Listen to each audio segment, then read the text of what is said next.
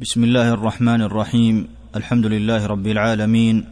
والصلاة والسلام على نبينا محمد وعلى آله وصحبه أجمعين. أما بعد فهذا درس من دروس شرح ثلاثة الأصول للإمام العلامة الشيخ محمد بن عبد الوهاب رحمه الله تعالى. قال المصنف رحمه الله فدليل الشهادة قوله تعالى شهد الله أنه لا إله إلا هو والملائكة وأولو العلم قائما بالقسط لا إله إلا هو العزيز الحكيم. لما ذكر المصنف رحمه الله مراتب الدين وأنها ثلاثة مراتب الإسلام والإيمان والإحسان ثم بعد ذلك بدأ يذكر ركن كل مرتبة. فذكر أن أركان الإسلام خمسة شهادة أن لا إله إلا الله وأن محمدا رسول الله وإقام الصلاة وإيتاء الزكاة وصوم رمضان وحج بيت الله الحرام. ثم هنا بدأ يذكر دليل كل ركن من هذه الأركان الخمسة. فقال فدليل الشهادة قوله تعالى شهد الله أنه لا إله إلا هو والملائكة وأولو العلم. قوله فدليل الشهادة أي دليل شهادة أن لا إله إلا الله قوله تعالى شهد الله. وشهادته سبحانه هي أعظم شهادة في الوجود. قال سبحانه قل أي شيء أكبر شهادة قل الله. وشهد سبحانه على أجل مشهود عليه وهو ما شهد به تعالى أنه لا إله أحد سواه يستحق العبادة. شهد الله أنه لا إله إلا هو والملائكة أي والملائكة أيضا شهدوا بأنه لا إله إلا هو كما شهد الله لنفسه المقدسة بذلك بأنه لا إله إلا هو. قوله جل وعلا واولو العلم قائما بالقسط أي واصحاب العلم أيضا شهدوا بانه لا اله الا هو فجعل شهادتهم من اكبر الادله والبراهين على توحيده وانه يجب على المكلفين قبول هذه الشهاده العادله الصادقه. وهذا فيه اعظم حاث على طلب العلم فان الله شهد واستشهد الملائكة واستشهد أهل العلم ففي هذه الشهادة العظيمة رفعة لأهل العلم حيث استشهدوا على ما شهد به رب العالمين وهو أنه لا إله إلا هو وأي ثناء أشرف من هذا الثناء على أهل العلم وعلى تعديلهم وشهادته جل وعلا لهم بأنهم أولو العلم وجعلهم حجة على من أنكرها دال على فضل العلم والمراد بالعلم هنا هو العلم الشرعي الذي هو نور القلوب وقوتها وغيره من العلوم هو علم نسبي إضافي إما إلى أمور دنيوية أو إلى علوم حسابية وصناعية أو غير ذلك وأهله ليسوا من أهل العلم الذين استشهدهم. فلا يطلق هذا العلم إذا أطلق إلا على العلم الشرعي الديني وهو المثنى عليهم في قوله يرفع الله الذين آمنوا منكم والذين أوتوا العلم درجات. وقوله عليه الصلاة والسلام من يرد الله به خيرا يفقهه في الدين. وأما علوم الآلة كالنحو ونحو ذلك فهي وسيلة إلى العلم الشرعي. أما العلم المثنى عليه المقرب أهله إلى الله عز وجل هم أهل العلم الشرعي. قوله سبحانه وأولو العلم قائما بالقسط قائما منصوب على الحال بالقسط أي بالعدل أي قائما بالعدل في جميع الأحوال سبحانه. لا إله إلا هو العزيز الحكيم. تأكيد لما سبق. العزيز الذي لا يرام جنابه عظمة وكبرياء الحكيم في أقواله وأفعاله وشرعه وقدره. قال المصنف رحمه الله ومعناها لا معبود بحق إلا الله. ومعناها أي ومعنى كلمة التوحيد لا إله إلا الله. وهنا شرع المصنف في شرح معنى بيان هذه الكلمة العظيمة. التي يجهل بعض الناس معنى هذه الكلمة فقال ومعناها لا معبود بحق إلا الله أي لا معبود يستحق العبادة بحق ويجب أن يؤتى في بيان معناها بهذا القيد وهو كلمة بحق لأن المعبودات من دون الله كثيرة ولكنها معبودات باطلة كعبادة أهل القبور والأشجار والأصنام. قال سبحانه ذلك بأن الله هو الحق وأن ما يدعون من دونه هو الباطل فلا أحد منهم يستحق العبادة بل عبادتهم باطلة ولا يستحقها إلا الله وحده.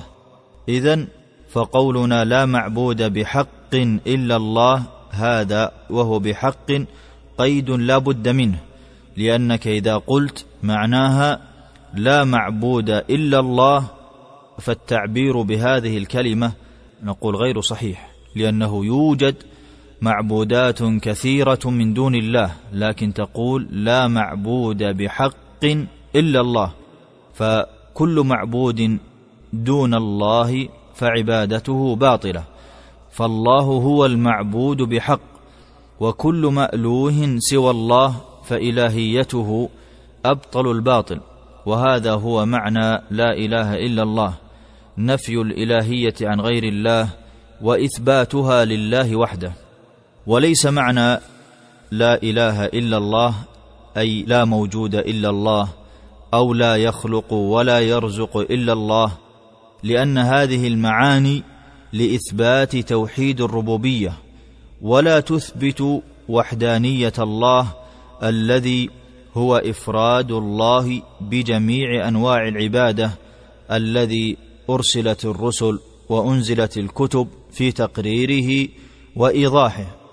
وإذا قلت معناها لا موجود إلا الله أو لا يخلق ولا يرزق إلا الله نقول هذه اللفظة قد أقر بها المشركون كأبي جهل وأضرابه. كما قال تعالى قل من يرزقكم من السماء والأرض امن يملك السمع والأبصار ومن يخرج الحي من الميت ويخرج الميت من الحي ومن يدبر الأمر فسيقولون الله أي أنه الذي يفعل ذلك ولم ينازعوا فيه فهم مقرون بأن الرازق هو الله وبأن الذي يملك السمع والأبصار هو الله وبأن المحيي المميت هو الله وأن مدبر الأمور هو الله ولم يمتنعوا من الإقرار بذلك فدل على أن تلك اللفظة في معنى لا إله إلا الله لا موجود إلا الله أو لا يخلق ولا يرزق إلا الله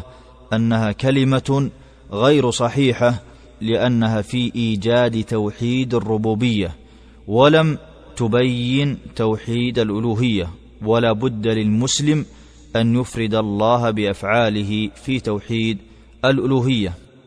والله عز وجل احتج عليهم بإقرارهم بتوحيد الربوبية على توحيد الألوهية. فقال أفلا تتقون؟ أي أفلا تتقون الشرك في عبادته؟ فهم يعرفون معناها وأنها دلت على إفراد الله بالعبادة. ولهذا أنكروا أن يكون الله هو المعبود وحده. لأنهم عرفوا مدلولها فإن الإله هو الذي تألهه القلوب وتصمد إليه بالحب والخوف والرجاء. قال المصنف مفصلا لمعنى تلك الكلمة لا إله نافيا جميع ما يعبد من دون الله إلا الله مثبتا العبادة لله وحده لا شريك له في عبادته كما أنه لا شريك له في ملكه. قوله لا إله نافيا جميع ما يعبد من دون الله كلمة التوحيد لا إله إلا الله تشتمل على أمرين هما ركناها النفي والإثبات. فلا إله معناها نافيا العبد جميع ما يعبد من دون الله من القبور والأشجار وغيرها. فالموحد يعتقد ويقول أنا لا أعبد أي معبود كان إلا الله فهو الذي أعبده وحده وهذا هو معنى إلا الله. فالموحد يعتقد ويقول أنا لا أعبد أي معبود كان. ثم يثبت ويقول إلا الله فلا أعبد أحدا غيره. فهذه كلمة التوحيد تتضمن أمرين النفي والإثبات. النفي أي أنك تقول لا أعبد أحدا أبدا ثم تثبت وتقول لا أعبد أحدا إلا الله فهو الذي أثبت العبادة له وحده وأتبرأ من عبادة من سواه.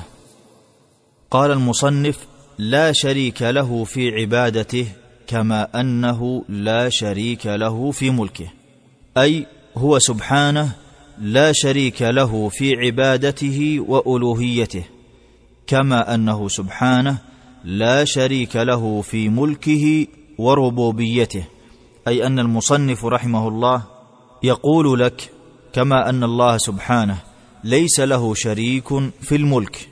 أي تعلم أنه لا ينزل المطر إلا الله وأنه لا يحيي إلا الله وأنه لا يميت إلا الله.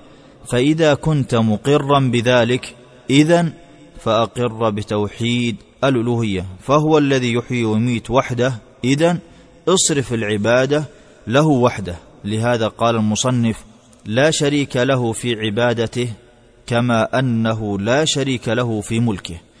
فكما أنه سبحانه المتفرد في ملك هذا الكون لا شريك له فيه فواجب أن يفرد في العبادة أي كأنه يقول لك كما أنك وحدت الله في توحيد الربوبية فيلزمك من ذلك أن توحده سبحانه في توحيد الألوهية فكلاهما سواء أفردته في توحيد الربوبية اذا أفرد أفعالك وأعمالك له في توحيد الألوهية. فإن من أظلم الظلم أن يجعل المخلوق الذي ليس شريكا لله في الملك شريكا لله في العبادة. تعالى الله وتقدس عن ذلك. ولهذا يحتج تعالى على من أنكر ألوهيته بما أقر به من ربوبيته.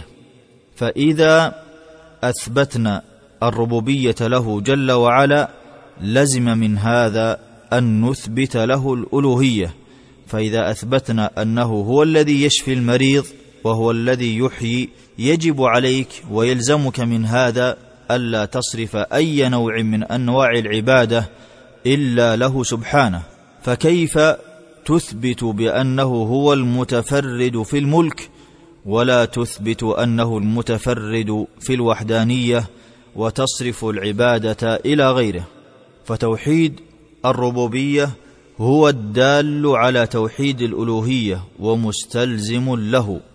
فإذا قلت إن الله هو الرزاق فيلزمك أن تصرف العبادة له ولهذا قال كما أنه لا شريك له في ملكه فلا إله إلا الله اشتملت على أمرين هما ركناها النفي وهي لفظة لا إله والإثبات وهي إلا الله والنفي المحض ليس بتوحيد يعني لو قلت لا إله نقول لست موحدا فلا بد أن تثبت مع هذا النفي أن الله هو المستحق العبادة وحده فتقول إلا الله.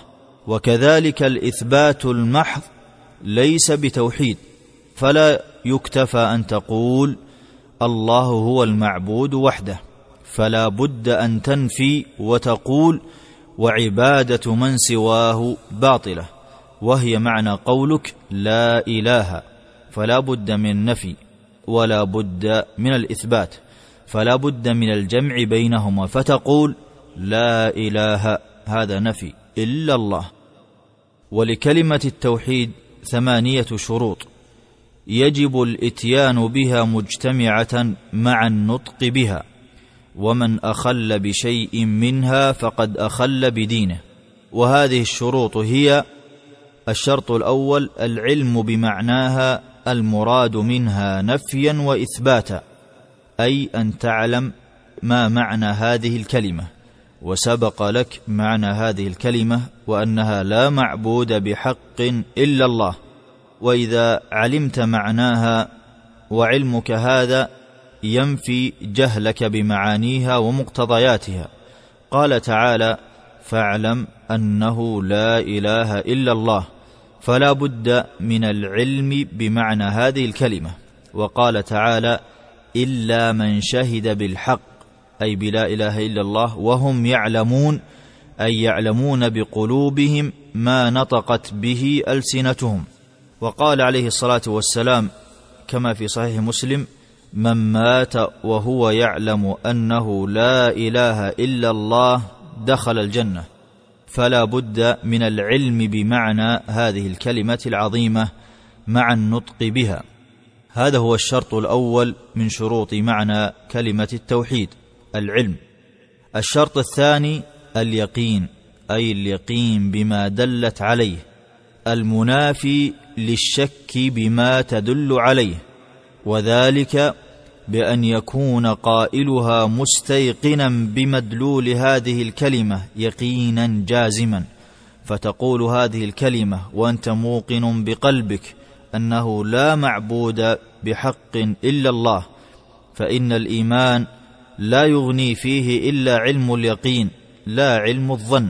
فكيف إذا دخله الشك؟ قال سبحانه إنما المؤمنون الذين آمنوا بالله ورسوله ثم لم يرتابوا فاشترط في صدق إيمانهم بالله ورسوله كونهم لم يرتابوا. وقال عليه الصلاة والسلام أشهد أن لا إله إلا الله وأني رسول الله لا يلقى الله بها عبد غير شاك فيها إلا دخل الجنة. رواه مسلم. ويقول عليه الصلاة والسلام من لقيت من وراء هذا الحائط يشهد أن لا إله إلا الله مستيقنا بها قلبه فبشره بالجنة. رواه مسلم. فاشترط هذا الحديث مع النطق بكلمة التوحيد اليقين فقال مستيقنا بها قلبه. وفي الحديث السابق اشترط قيد وهو غير شاك فيها. أي مستيقن بها وهذا هو معنى الشرط الثاني وهو اليقين بما دلت عليه تلك الكلمة. الشرط الثالث القبول. القبول لمدلولات ومقتضيات هذه الكلمة بقلبه ولسانه فتقبل ما دلت عليه هذه الكلمة من الأحكام والأوامر المنافية للرد. وقد قص الله علينا انتقامه ممن ردها وأباها. كما قال تعالى وكذلك ما أرسلنا من قبلك في قرية من نذير إلا قال مترفوها إنا وجدنا آباءنا على أمة وإنا على آثارهم مقتدون. فلم يقبلوا تلك الكلمة فحق عليهم العذاب. وقال سبحانه إنهم كانوا إذا قيل لهم لا إله إلا الله يستكبرون. فكان سبب عذابهم هو استكبارهم عن قبول تلك الكلمة. فيشترط في كلمة التوحيد أن يقبل السامع هذه الكلمة وما تدل عليه وما تقتضيه ولا يردها ويستكبر عنها ويعرض عنها. الشرط الرابع في كلمة التوحيد الانقياد لمعانيها ومقتضياتها من الأوامر والنواهي فتفعل ما تقتضيه هذه الكلمة من ترك الأوثان والأصنام والأنداد ونحو ذلك وتعبد الله وحده. وهذا الانقياد مناف للترك لما دلت عليه كما قال سبحانه ومن أحسن دينا ممن أسلم وجهه لله وهو محسن فاستسلم لله وأحسن في أعماله وانقاد لتلك الكلمة. وقال سبحانه ومن يسلم وجهه إلى الله أي ينقاد وهو محسن أي موحد فقد استمسك بالعروة الوثقى.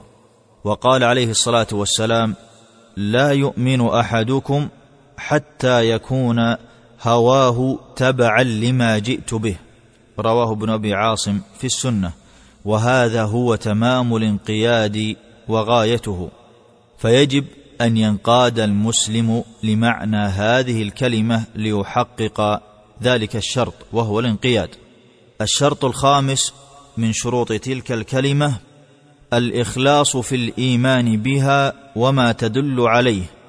والمراد بذلك المنافاة للشرك كأحوال المرائين وغيرهم فإنهم لم يخلصوا في إيمانهم بل صرفوا أعمالهم لغير الله ولم يحققوا معنى هذا الشرط. وهذا الشرط ذكره الله في قوله ألا لله الدين الخالص أي يجب أن تصرف جميع الأعمال لله وأن تكون خالصة لوجهه وما سواها فإنها مردودة. وقال سبحانه وما أمروا إلا ليعبدوا الله مخلصين له الدين وقال عز وجل قل الله أعبد مخلصا له ديني فيشترط في هذه الكلمة الإخلاص. قال سبحانه عن المنافقين إن المنافقين في الدرك الأسفل من النار ولن تجد لهم نصيرا إلا الذين تابوا وأصلحوا واعتصموا بالله وأخلصوا دينهم لله فمن شروط قبول توبتهم إخلاص الأعمال وتجريدها لله. وقال عليه الصلاة والسلام كما في صحيح البخاري أسعد الناس بشفاعتي يوم القيامة من قال لا إله إلا الله مخلصا من قلبه أو من نفسه فلا بد من الإخلاص في تلك الكلمة وقال عليه الصلاة والسلام فإن الله حرم على النار من قال لا إله إلا الله يبتغي بذلك وجه الله. متفق عليه. فمن أراد بتلك الكلمة غير وجه الله من الرياء أو السمعة أو حب الدنيا والترفع في مناصبها دون وجه الله تعالى فإنه لم يحقق تلك الكلمة ولم يقل تلك الكلمة خالصة لوجه الله. والشرط السادس من شروط تلك الكلمة العظيمة الصدق أي الصدق في اعتقادها في الباطن المنافي للكذب بما اعتقده فيها كأن يظهر تلك الكلمة على لسانه لكنه في حقيقة قلبه كاذب بها كأحوال المنافقين والعياذ بالله. قال سبحانه ولقد فتنا الذين من قبلهم فليعلمن الله الذين صدقوا وليعلمن الكاذبين. فالناس منقسمون في قول هذه الكلمة والعمل بمقتضاها إلى قسمين صادق وكاذب. فمن كان صادقا فهو الموحد ومن كان كاذبا فقد أخل بتلك الكلمة ولم يكن مع حزب الله الموحدين. قال سبحانه في من أخل بهذا الشرط ومن الناس من يقول آمنا بالله وباليوم الآخر وما هم بمؤمنين أي كاذبون في دعواهم الإيمان بذلك. وقال عليه الصلاة والسلام كما في البخاري ومسلم ما من أحد يشهد أن لا إله إلا الله وأن محمدا عبده ورسوله صدقا من قلبه. إلا حرمه الله على النار فاشترط في إنجاء من قال هذه الكلمة من النار أن يقولها صدقا من قلبه فلا ينفعه مجرد التلفظ بدون مواطأة القلب ويقينه بها فهذا هو الشرط السادس وهو الصدق في قول تلك الكلمة. الشرط السابع المحبة. أي المحبة لتلك الكلمة ولما اقتضته ودلت عليه ولأهلها العاملين بها الملتزمين لشروطها وبغض ما ناقض ذلك. فتحب تلك الكلمة ولفظتها وما دلت عليه بأنه لا معبود سواه إلا الله وما دلت عليه من الأوامر والنواهي. وتحب الموحدين. وتبغض ما ناقض ذلك من الشرك وأهل الشرك وما ناقض تلك الكلمة. قال سبحانه ومن الناس من يتخذ من دون الله أندادا يحبونهم كحب الله وعلامة حب العبد ربه تقديم محابه وإن خالفت هواه وبغض ما يبغض ربه وإن مال إليه هواه. فما احبته نفسك تخالفه لفعل اوامر الله وما ابغضته نفسك كقيام الليل وسكنت إلى الراحه تخالفها وتستيقظ وتقوم الليل فان هذا من تقديم محاب الله على محابك قال عليه الصلاه والسلام لا يؤمن احدكم حتى يكون هواه تبعا لما جئت به رواه ابن أبي عاصم في السنة. فهذا هو الشرط السابع من شروط تلك الكلمة وهو المحبة. الشرط الثامن الكفر بما سوى الله من المعبودات والبراءة من الشرك وأهله. فتعتقد بأن جميع ما عبد من دون الله أنها معبودة باطلة وتتبرأ منها ولا تقرها وتتبرأ من أهلها. قال سبحانه فمن يكفر بالطاغوت ويؤمن بالله فقد استمسك بالعروة الوثقى لا انفصام لها فلا بد من الكفر بما سوى الله والبراءة من الشرك وأهله. هذا هو الشرط الثامن. وقد جمعت هذه الشروط في قولهم علم يقين إخلاص وصدقك مع محبة وانقياد والقبول لها. هذه سبعة شروط. العلم الشرط الثاني اليقين الشرط الثالث الإخلاص الشرط الرابع الصدق الشرط الخامس المحبة الشرط السادس الانقياد الشرط السابع القبول. وزيد الشرط الثامن في قولهم وزيد ثامنها الكفران منك بما سوى الإله من الأشياء قد ألها. ولا يشترط حفظ وعد هذه الشروط. وإنما معرفتها والإتيان بمقتضاها يكفي في ذلك.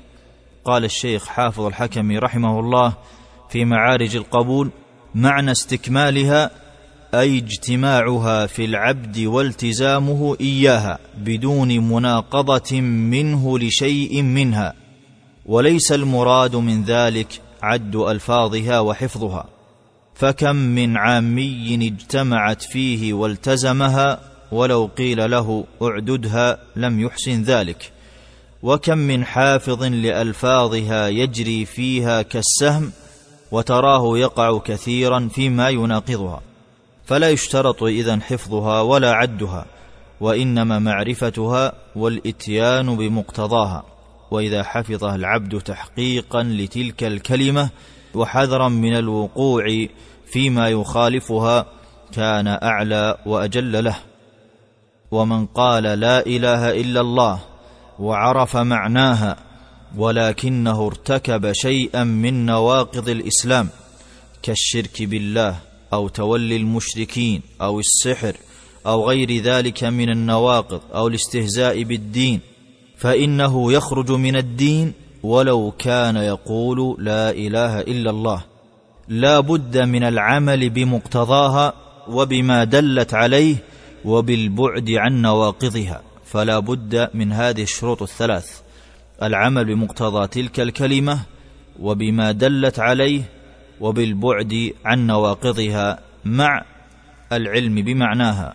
قال الشيخ محمد بن عبد الوهاب رحمه الله في رسالته القواعد الأربع العبادة لا تسمى عبادة إلا مع التوحيد كما أن الصلاة لا تسمى صلاة إلا مع الطهارة. قال فإذا دخل الشرك في العبادة فسدت كالحدث إذا دخل في الطهارة. فكما أن الحدث إذا دخل في الطهارة يفسدها فكذلك الشرك إذا دخل في العبادة يفسدها. اذا لو أن نقطة من بول خرجت من إنسان متوضئ مستعد للصلاة تفسد عليه طهارته ولو صلى لبطلت تلك الصلاة. اذا الشرك لو دخل في العبادة فإنه يفسدها ولو كان العبد متلبسا بالعبادة أو كان مكثرا منها. فيجب عليك الحذر من الشرك لأنه يفسد العبادة كالحدث يفسد الطهارة ويجب على المرء أن يتعلم معنى تلك الكلمة وأن يعرف شروطها ليعمل بمقتضاها وليحذر من نواقضها. وإلى هنا نأتي إلى نهاية درس من دروس شرح ثلاثة الأصول للإمام العلامة الشيخ محمد بن عبد الوهاب رحمه الله وصلى الله وسلم على نبينا محمد وعلى آله وأصحابه أجمعين. تم تنزيل هذه المادة من موقع نداء الإسلام www.islam-call.com